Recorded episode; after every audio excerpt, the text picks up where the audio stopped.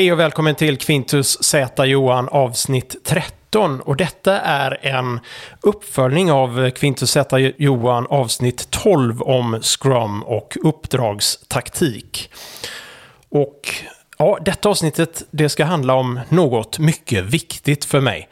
Vad som är uppdragstaktik och vad som inte är uppdragstaktik.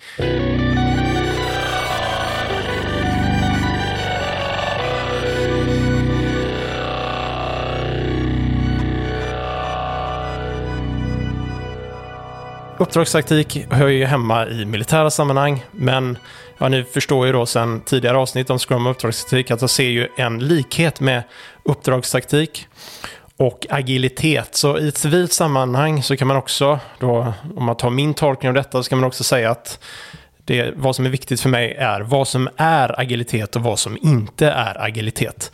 Man kan ju lägga många värderingar i det ordet, så att säga. Alltså i uppdragstaktik eller i agilitet.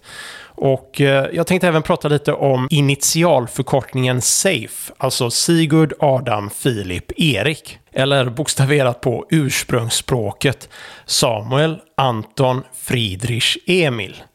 Och det råkar vara det tyska bokstaveringsalfabetet. Så ni som likt mig jobbar i en agil organisation, eller en, en, organisation som vill vara agil kanske man ska säga då, kanske tror att det syftar på Scaled Agile Framework, SAFE, men det är det inte i detta fallet då. Så den här akronymen SAFE, den syftar till överste John Boyds ramverk Organizational Climate for Operational Success organisatoriskt klimat för operativ framgång. Eller något sådant. Och John Boy i det här fallet, han var ju överste och militär då, men han syftar inte enbart till militära organisationer, utan även i affärssammanhang då. Alltså vilken organisation som helst egentligen, där man har ett, eh, en kultur eller klimat och vilken, vilket typ av klimat som han kallade det främjar operativ framgång allra bäst. Och då menar han att det är safe. Och jag såg ju bara de här fyra orden, då, de fyra principerna som John Boyd har.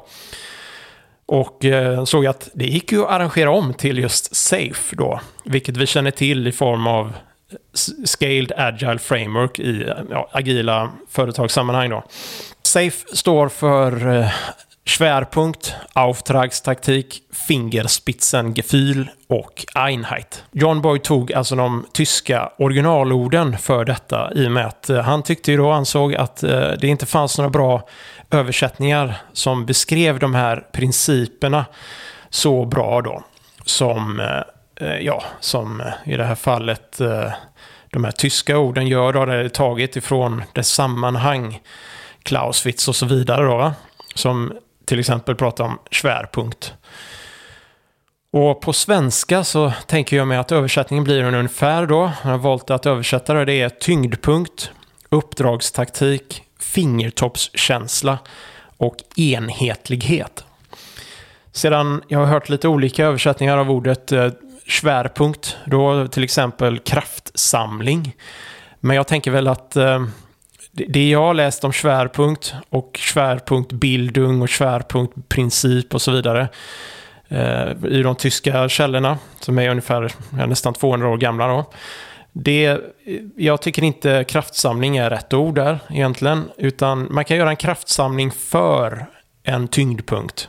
Sådär. Man kan kraftsamla för att eh, gå mot tyngdpunkten eller att slå mot tyngdpunkten eller vad det nu är man anser vara den allra viktigaste ansatsen i det man gör, eller operationen, eller ja, vad det nu är man, man syftar åstadkomma. Om man har en tyngdpunkt här, man har något som är den absolut viktigaste ansatsen för att eh, nå målet. Ja, fingertoppskänsla, fingerspitzengefühl, det har också en speciell innebörd då. Och jag vet ju inte hur John Boyd själv tolkade dessa principer. Han kallar dem för principer. Och svärpunktprincip är en sån princip till exempel. Så själv har jag en eh, egen uppfattning, givetvis.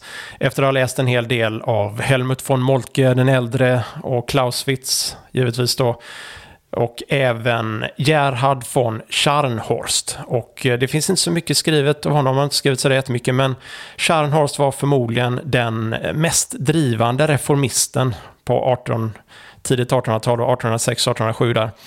Och även faktiskt tidigare än det. Han höll på, väl, jag tror han höll på att bli utslängd ur eh, motsvarande eh, då, Försvarshögskolan där för, för det han försökte tillämpa och lära ut då, rent uppdragstaktiskt så att säga. Så han var den mest drivande reformisten kanske och eh, ja, förmodligen kan man väl säga att han egentligen var upphovsmannen till vad som senare kommer att bli tysk Auftragstaktik. Så det är den uppfattningen som är bakgrunden till detta avsnittet. Jag vill även passa på att rätta ett fel som smög sig in i manuset till Kvintus Z Johan avsnitt 12. Jag råkade lite sådär respektlöst nedgradera Ludvig Beck från, från general till överste då, genom att jag missade prefixet framför, framför hans egentliga grad. Generalöverste ska Ludvig Beck vara och inget annat då. Eh, eller ja, det, det, var det, den graden han slutade med då. Så jag ska försöka redigera in ordet general där i poddversionen för att eh, rätta till det så snart jag hinner. Så. För att eh, åtgärda det lilla felet då. Och Ludvig Beck var även generalstabschef några år där innan. Jag, jag tror han var det lite under Hitler också, men han kom inte överens med Hitler och sedan blev han ju ledare för motståndsrörelsen så att eh, det lämpade sig kanske inte sådär jättebra att vara generalstabschef då när man försöker bomba Hitler liksom. Och det var många av de andra uppdragstaktikerna i eh, Nazityskland. De, det var väldigt många av dem. Jag tror det var Ludwig Beck som skrev Truppenführing och hans, eh, hans eh, kollega där, Stypelnagel, hette han det? Ja, de, de, var ju båda med i motståndsrörelsen då. Om man går lite till arbetslivet då och lite bakgrunden till detta avsnitt. Jag tänkte på vad är det jag hatar allra mest i arbetslivet? Det tog många år innan jag upptäckte att det fanns någonting som kallades uppdragstaktik överhuvudtaget. Även om det är 200 år då så kanske man borde ha vetat om det för väldigt många år sedan. Det är inte så många år sedan jag fick upp ögonen för tysk Auftragstaktik så att säga. Och innan dess så har jag alltid jobbat under Eh, det har alltid känt mig rätt nedtryckt av att bli toppstyrd och ja, vara tvungen att jobba i metoder och processer. Och jag har ju en bakgrund ur mer operativt IT-sammanhang, alltså informationsteknologi, så jag har ju suttit väldigt mycket med eh, det operativa drift och så vidare. Och då blir man ganska ofta i stora organisationer, då, de stora jag jobbat i, då blir man ganska ofta satt under, alltså som en slav till en metod eller slav till en process. Så det finns tre saker som jag alltid har hatat i arbetslivet och det är detaljstyrning, metodslaveri och eh, processer. Och eh, det som är så jätteroligt nu då, nu har jag upptäckt att det finns sådana stora likheter mellan uppdragstaktik eller tysk uppdragstaktik och eh, det vi har i IT-sammanhang som är agilitet och ja, allt det där med Scrum och så vidare. Då, som främjar en sånt här snabbfotat eh, tänkande och snabbfotat beslutande där man delegerar ner besluten så lågt som möjligt. Då. Så den process som jag har fått utstå under många år då, som jag har eh, mot, jag har bekämpat den på alla möjliga sätt. Framförallt då ganska subversivt så att säga. Alltså jag har eh, liksom gått förbi processen och gjort en massa ändringar bakom utan att tala om det för någon. Då, totalt ute ingenstans där. På eget ansvar, eget initiativ. Och eh, för mig har det gått väldigt bra. Och eh, faktum är att eh, jag har blivit, jag har fått goda vitsord just på grund av att jag har gjort det. Eller inte på grund av att jag har frångått alla processer, utan det var ingen som visste att jag gjorde det. Men jag var ju så snabbfotad och kunde ta initiativ tidigt och genomföra förändringar utan att vara nedtyngd av processer och metod. Och det ger ju ofta resultat, för det är ju mycket snabbare i att åtgärda problem. Och är man snabbare, snabb att åtgärda problem, då syns ju det ganska väl. Då. Och den processen som jag fått utstå många år, den heter ITIL, Information Technology Infrastructure Library. Och det är en samling principer, sägs det då, och processer för att hantera IT-tjänster. Och just ordet hantera IT-tjänster där känns lite främmande för mig. Att hantera IT-tjänster är lite fel. Man ska inte hantera IT-tjänster, du ska innovera dem och det ska vara snabbfotat för förändringsarbete och du ska lösa problem utan hinder. Sådär. Eh, tycker jag då. Så hantera är ju inte någonting man, man bör syssla med överhuvudtaget. Sådär. Och då tänker ju många som har pratat, som är IT-förespråkare, eh, eller ja, det är ju inte så många egentligen som är i mitt gebit som är IT-förespråkare. De tänker att jag har missuppfattat IT och då skulle jag vilja vända på det då, att då har de i sin tur missuppfattat vad agilitet är. Och det är, det vill säga då, den typen av uppdragsstatik som till exempel Moltke förespråkade och inte den papperstiger. Och jag kommer till vad det ordet kommer ifrån, som detta avsnittet handlar om. Så jag har personligen aldrig upplevt ett bolag som inte jobbar i silos med ITIL, alltså strikta organisationskolumner och sådär som inte riktigt pratar med varandra. Och vill de prata med varandra så får man ha massa konstiga processer emellan för att eh, styra upp det. Och, ja. Av någon konstig anledning så kan man inte bara samarbeta och snacka med varandra och vara snabbfotad i sina beslut utan man måste ha orderformulär och allt det där.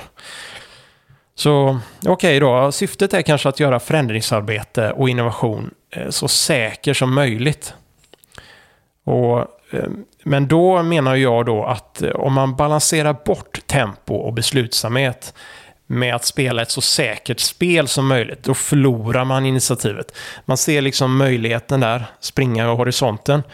Och du är helt plötsligt bakbunden av processer och metoder och eh, affärsprocesser som hindrar dig att eh, ta tillfället i akt. Alltså att ta initiativet och försöka fånga möjligheten innan den försvinner. För när du väl gått igenom alla de här processerna och så vidare, då är möjligheten att passera horisonten. Så att säga. Och det är lite det som agilitet har, att vinna på, då, att man är just snabbfotad i sitt beslut. Och järv, alltså järvhet, man vågar ta beslut och initiativ för att eh, snabbare nå en, eh, snabbare gå igenom en cykel för att konkurrera ut motståndaren egentligen, det är det det handlar om då. Och det är samma sak i uppdragstaktik, det är för att konkurrera ut motståndaren. Man ska ha tempo och eh, snabba beslut och så vidare. Och järvhet då, helt enkelt. Så om man plockar bort alla de här tre, om man plockar bort detaljstyrningen, man plockar bort metoderna och processerna, vad händer då? Blir det total kaos då? Nej, det är ju inte det som händer. Och det vet vi ju idag då med alla agila företag och eh, ja, de främsta it-företagen som finns då som eh, har fruktansvärd agilitet jämfört med hur det kanske var förr i tiden. Då. Där man har tagit bort många av de här processerna och metoderna. Eller åtminstone förenklat dem extremt kraftigt. Då. För då måste man intuitivt kunna det som detaljstyrningen, metoderna och processerna ämnade lösa.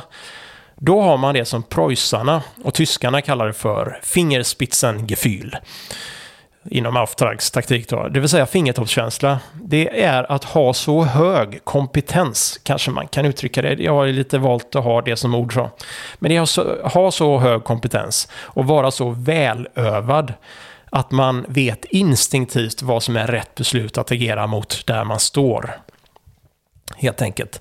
Och Eh, det är ingen utopi som det låter då, utan det är ett resultat av att man kontinuerligt och i alla lägen bemyndigar sina medarbetare, det vill säga underställda, att eh, på eget ansvar ta initiativ utan repressalier mot beslutad riktning.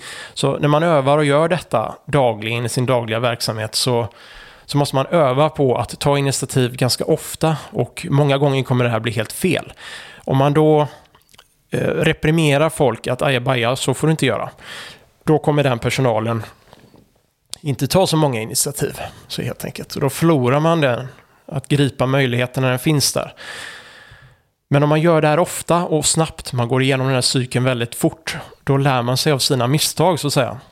Och om man har den kulturen att man vill lära sig av sina misstag, man ska inte bara eh, skyffla bort dem under mattan så att säga. Så har man den kulturen, då kommer man förr eller senare då att nå alltså fingertoppskänsla, att man har inte bara kompetensen på pappret, utan du har den, alltså du har fingrarna på pulsen till exempel. Du, du liksom har den i fingertopparna. Du behöver inte ha några metoder och processer att gå igenom och så vidare. Då. Jag har inte erfarenhet av någon av de IT-organisationer jag har jobbat inom som inte bara tillåter utan dessutom främjar att man frångår processerna när nya möjligheter uppenbarar sig.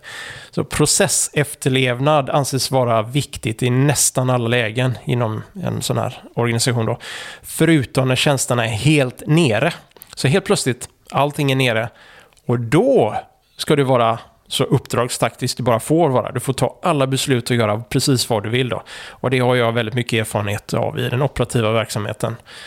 Sådär. Då får du plötsligt tillämpa uppdragsstatistik till fullo du får göra precis vad som krävs för att få tjänsterna upp. Då. Men då är det ju ofta för sent. Då har man ju missat det där. Om man hade kunnat tillämpa uppdragstaktiken i förebyggande syfte, då hade man ju aldrig varit i den situationen till att börja med. Och samma sak verkar gälla inom andra områden.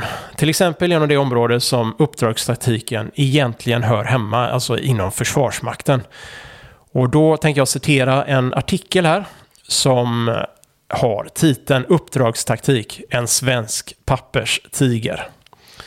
Och eh, den, det är en artikel av överstelöjtnant Ola Palmqvist som är chef för taktikavdelningen vid Marxistskolan. Och den artikeln publicerades eh, i juni 2020 på Kungliga krigsvetenskapsakademins hemsida, eller som ett blogginlägg där. Jag ligger länken där i beskrivningen nedan och eh, i beskrivningen i poddavsnittet då också. Så citat. Den svenska uppdragsstatiken av idag är inte ens en blek kopia av originalet. Den står i flera avseenden för motsatsen till denna. Den levererar uppenbarligen inte heller samma effekter. Den saknar klös och bett. Den är en papperstiger. Det var ju ord och inga visor det var total sågning där, men ja, jag kan väl kanske tänka att det är, det är väl så jag upplever det också då. Och eh, det är väl lite det jag vill ha sagt med detta avsnittet då. Att eh, det, när jag pratar om uppdragstaktik så menar jag den tyska auftragstaktiken och eh, det snabba tempot som det handlar om där. Då. Snabbt beslutfattande och så vidare. Så, så sent som 2018, jag fortsätter citera här då. Så sent som 2018 vid eh, remisshanteringen av en försiktigt reviderad utgåva av handbok Ledning bataljon angav eh, Försvarshögskolan nedanstående yttrande. Eh, och det är en tidpunkt när konventionell strid mot en kvalificerad överlägsen motståndare åter blivit Försvarsmaktens huvuduppgift. Och eh, det sedan 2016 var fastställt att uppdragsetik skulle vara grunden för ledning i Försvarsmakten. Alltså det är efter alla de här besluten, att vi ska köra uppdragstaktik. Och, och eh, troligtvis så syftar man då på den uppdragstaktiken som är mest effektiv, som gav de effekter man vill uppnå, alltså snabbfotade eh, beslutsfattandet på fält, i fältet. Då. Och då citerar jag artikeln och det här är en, eh, ja, det är en revidering, eh, remisshantering då. Eh, som Försvarshögskolan har gjort. Citatet är Vid en jämförelse mellan tysk auftragstaktik och svensk uppdragstaktik är skillnaderna så pass grundläggande och omfattande att det måste ifrågasättas om principerna för den svenska tillämpningen med uppgiften i centrum leder till den snabbhet och smidighet i ledningen som eftersträvas. Den splittrade bilden förstärks ytterligare genom att eh, det är svårt att se hur de centrala delarna i uppdragstaktik är kopplade till de relativt omfattande och tidsödande planeringsprocedurer på bataljonsnivå som finns beskrivna i handböckerna. Arbetsgruppen anser att denna lösningen inte är fruktbar utan att man istället bör göra ett tydligt ställningstagande till förmån för en mer renodlad uppdragstaktik. Sammanfattningsvis anser arbetsgruppen att de metoder som beskrivs i handböckerna för taktisk ledning i, alldeles för stor utsträckning bygger på att eh, genom planering eh, att det genom planering då är möjligt att förutse en händelseutveckling i en dynamisk strid med en kvalificerad motståndare. Metodiken är komplex och tidsödande, vilket ställer krav på ett relativt omfattande stabsarbete även på bataljonsnivå. Så man försöker planera bort dynamiken i, i eh, en dynamisk värld. Ja. Så planeringen riskerar dessutom att i stor utsträckning låsa in underlydande till genomförandet av planen istället för att med utgångspunkt i avsikten med striden ta egna initiativ för att utnyttja oförutsedda situationer för att minska egna friktioner och hålla ett högt tempo. Metodiken innebär vidare att eh, betydelsen av eh, bataljonschefens personliga ledning av striden givits en alltför ringa betydelse. Så det är mer staben som, som jobbar åt det här. Och det är, chefen leder liksom inte i den här. Och det är, väldigt vanligt i metodarbete. Man är liksom, chefen är metoden ungefär.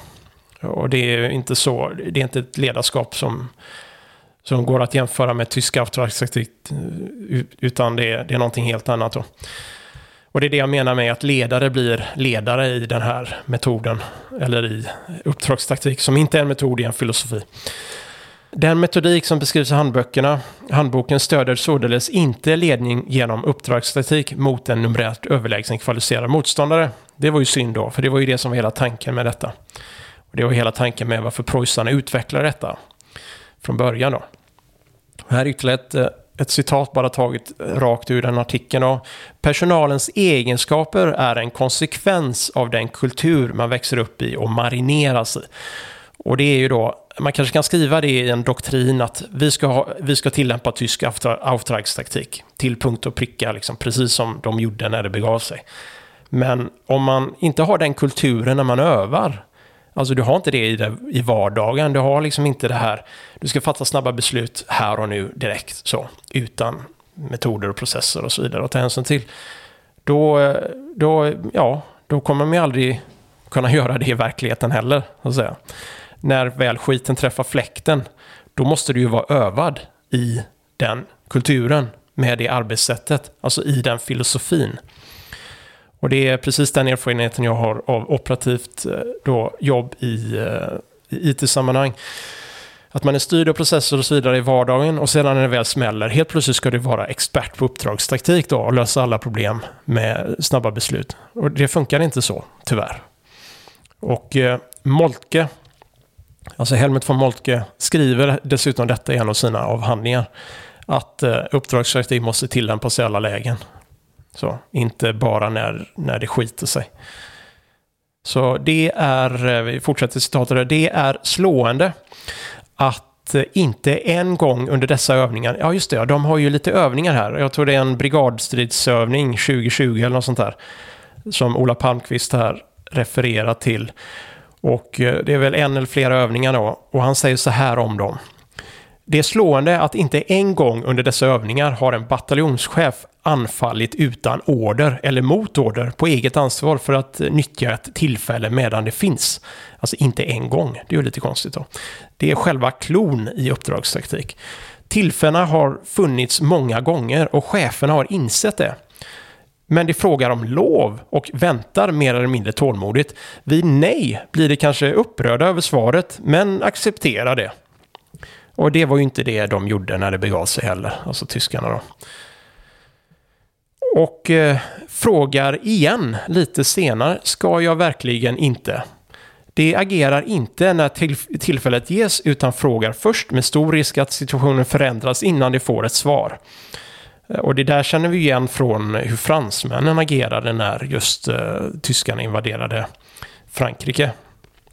Alltså när Rommel eh, körde rätt in i Frankrike då och eh, förvånade allt och alla och eh, Rommels, nu var ju kanske Rommel på höjden av, alltså tillämpade auftragstaktik. Han tog ju väldigt snabba beslut så säger jag bara körde. Ja, det blev, var ju ganska lyckat och han, hans beslutsfattningscykel var ju extremt mycket snabbare än fransmännen. De förstod ju ingenting. Och eh, då eh, var tvungna att eh, kapitulera ganska, i ganska stor, stor omfattning där. Då. Eh, och de ja, tyskarna tog ju Frankrike på sex veckor. Det trodde ingen skulle vara möjligt. Och inte ens tyska soldater förstod vad som hade hänt. Liksom. Så det, det, är ett exempel på det. Om man väntar och då, då, passerar ju det där, möjligheten passerar ju horisonten och så är den borta. Liksom. Då fortsätter jag lite citat här. Ett farligt eh, tecken om man önskar att initiativkraftiga chefer som också vågar ta eget ansvar utifrån hur de bedömer situationen så det, om man vill ha det, initiativkraftiga chefer och så vidare, då, då är det fel sätt att öva på. Och det är ju Moltke har ju också pratat om det i sina böcker. Så det förefaller som om svensk, eh, svenska officerare ändå inte äter metod till frukost utan är metodtrogna. Men vi kanske inte ska vara förvånade med de formuleringar och det fokus som finns i våra handböcker och hur vi utbildar och tränar. Den svenska kulturen är präglad av noggrann, långsiktig planering, tro på förutsägbarhet och det kontrollerande genomförandet av planer. Där har vi ju det då. Och jag vill eh, citera en annan bok här då och det är eh, en, en överstelöjtnant, fast en oberstlöjtnant, Martin Sonnenberger. Och oberstlöjtnant Martin Sonnenberger, han är chef för Gebirs jägerbataljon 233 vilket i stort sett är då, eh, eh, vad blir det, bergsjägarbataljonen 233, 233 bergsjägarbataljonen. Överstelöjtnant Martin Sonneberg och han har skrivit några texter som är publicerade i, jag lägger länken där nere, den finns som pdf då, fri att ladda ner då. Med titeln då Initiative within the philosophy of Auftragstaktik. Och eh, han är ju i Bundeswehr, så han kan ju detta så att säga.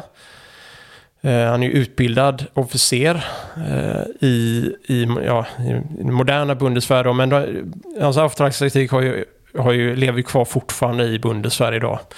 Så om någon vet vad Auftragstaktik är jämfört med amerikansk Mission Command, då, vilket är amerikansk uppdragstaktik, så är det ju givetvis en tysk officer. Och det känns ju lite som att vi i Sverige då, vi är ju ganska amerikaniserade. Och det känns ju lite som att vi är amerikaniserade även här. Vi har väldigt många likheter i vår uppdragsstatistik med amerikansk Mission Command. Och det menar ju den här oberstelöjtnanten att eh, Eh, det ser samma likheter där som Ola Palmqvist ser i Sverige då. Så ett citat här då. In practice, ja det här är ju på engelska, för ursäkta jag har inte översatt detta då. In practice, German orders tend to be limited to the bare minimum of tasks and one purpose per unit. The US system of signing tasks, which each include detailed directives and a purpose, is much more prescriptive and restrictive. Så det speglar ju lite det som Ola Palmqvist pratar om där, att man har ja, processer och metoder och så vidare och, och man låser ner beslutfattningsförmågan eller man försöker att begränsa initiativkraften genom att eh, detaljera orderna då, dessvärre. Man kan läsa vidare här då. While the US Army acknowledges that commanders deviate from orders when those orders no longer fit the situation, a concept similar to German fundamental change in situation. The search for an action upon exceptional information is no longer defined in ADRP 6-0, vilket är en eh, amerikansk doktrin för Mission Command. Då. Sedan efter denna har det ju kommit en, en ny ADP 6-0. Eh, jag är inte riktigt säker på de exakta likheterna, men den, det är ju ganska sent. Det är bara några år sedan de här publicerades, så jag kan inte tänka mig att det är så det jättestora skillnader. Då. Men även här då, som Ola Palmqvist citerar då, att eh, man har väldigt lite fokus i handböckerna på det där med initiativkraft och ta ansvar och, och tempo och ja, järvhet och allt det där som som Ludwig Beck till exempel pratar om i Truppen Führing och så vidare. Va? Det finns inte så stort fokus på det och här är ett exempel på att ja, man plockat bort det i de amerikanska handböckerna eller i den här eh, doktrinen till exempel. Eh, om man inte belyser vad det är egentligen man vill, varför vill vi ha uppdragstaktik? Jo, det är för att eh, vi vill vara snabbfotade när situationen förändras. Då måste man ju upprepa det konstant. Liksom. Det, det, är så här i den här situationen vill vi att eh, det ska fungera. Så plockar man bort en massa information om det, då lämnar man ju bara metod och processer kvar. Och det, det skickar ju en signal att vi ska vara metod och processtrogna istället för att vara järva och eh, ta egna initiativ med högt tempo. Sådär. Sedan Um, avslutar uh, Sonnenberger också då med något jag har pratat om det här med repressalier. Så att säga att uh, du får skulden om du fattar fel beslut. Då. vi kan ta höjden av fel beslut är ju att många dör i verkligheten. Och i fransk-preussiska kriget så var det ju en, en eller ett par generaler, lite osäker, jag, kan inte, jag är ingen historiker, liksom, jag är inte bra på de här. Och det var, det var länge sedan jag läste om fransk-preussiska kriget, så att säga. Men det är ett bra exempel på den första tillämpningen av Moltkes eh, då, vidareutveckling av uppdragstaktiken. Och där var det ju någon general då som, som gjorde totalt, eh, fattade totalt fel beslut då och eh, ja, Moltke hade ju ingen möjlighet att ändra det för tempot var igång och man kunde inte ge ut order och så vidare. Så man kunde inte styra den striden och sådär. Men som framgår av Moltke, det han skriver efteråt, han liksom lägger aldrig skulden på sina generaler att de gjorde fel. Det nämns ingenstans liksom.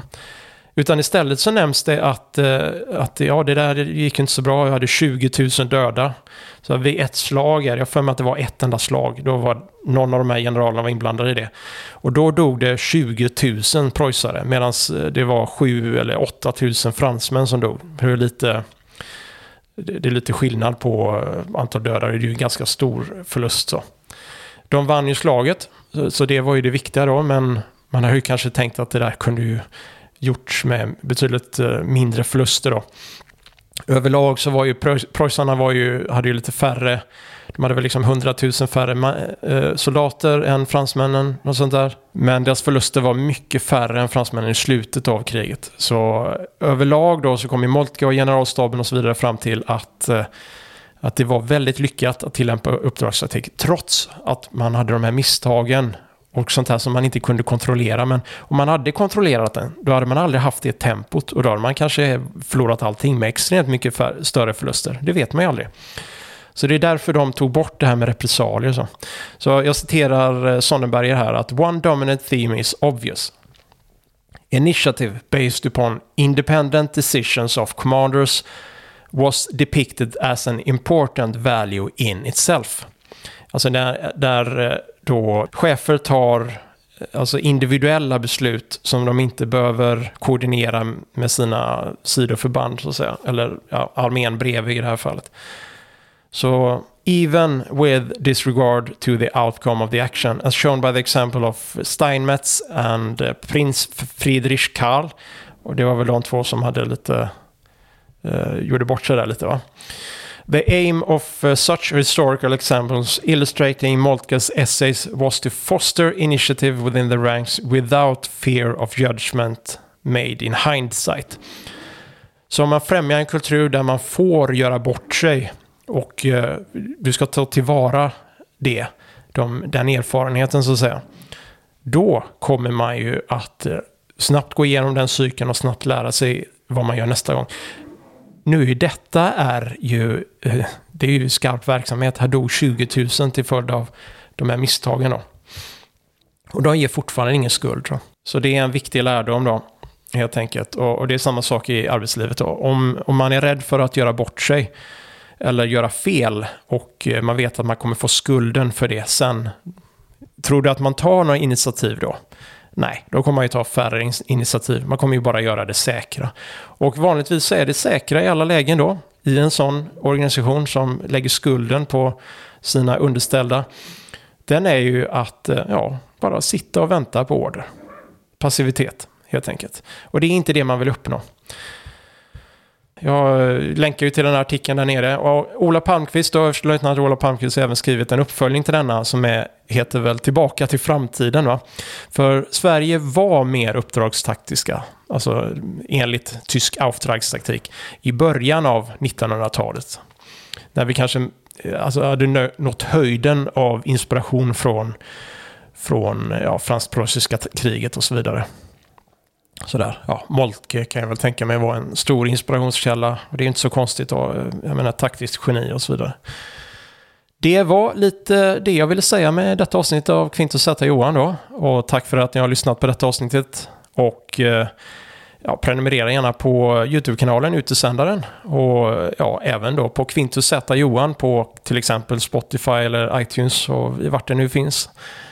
Helt enkelt. Och Ja, ni kan även gå in på min Patreon-sida på www.patreon.com outsender för att överväga att bli patron där och det, det, finns lite extra material. Jag kommer även publicera lite mer om just Scrum och ledningsfilosofi i allmänhet och sådär på patreon.com framöver.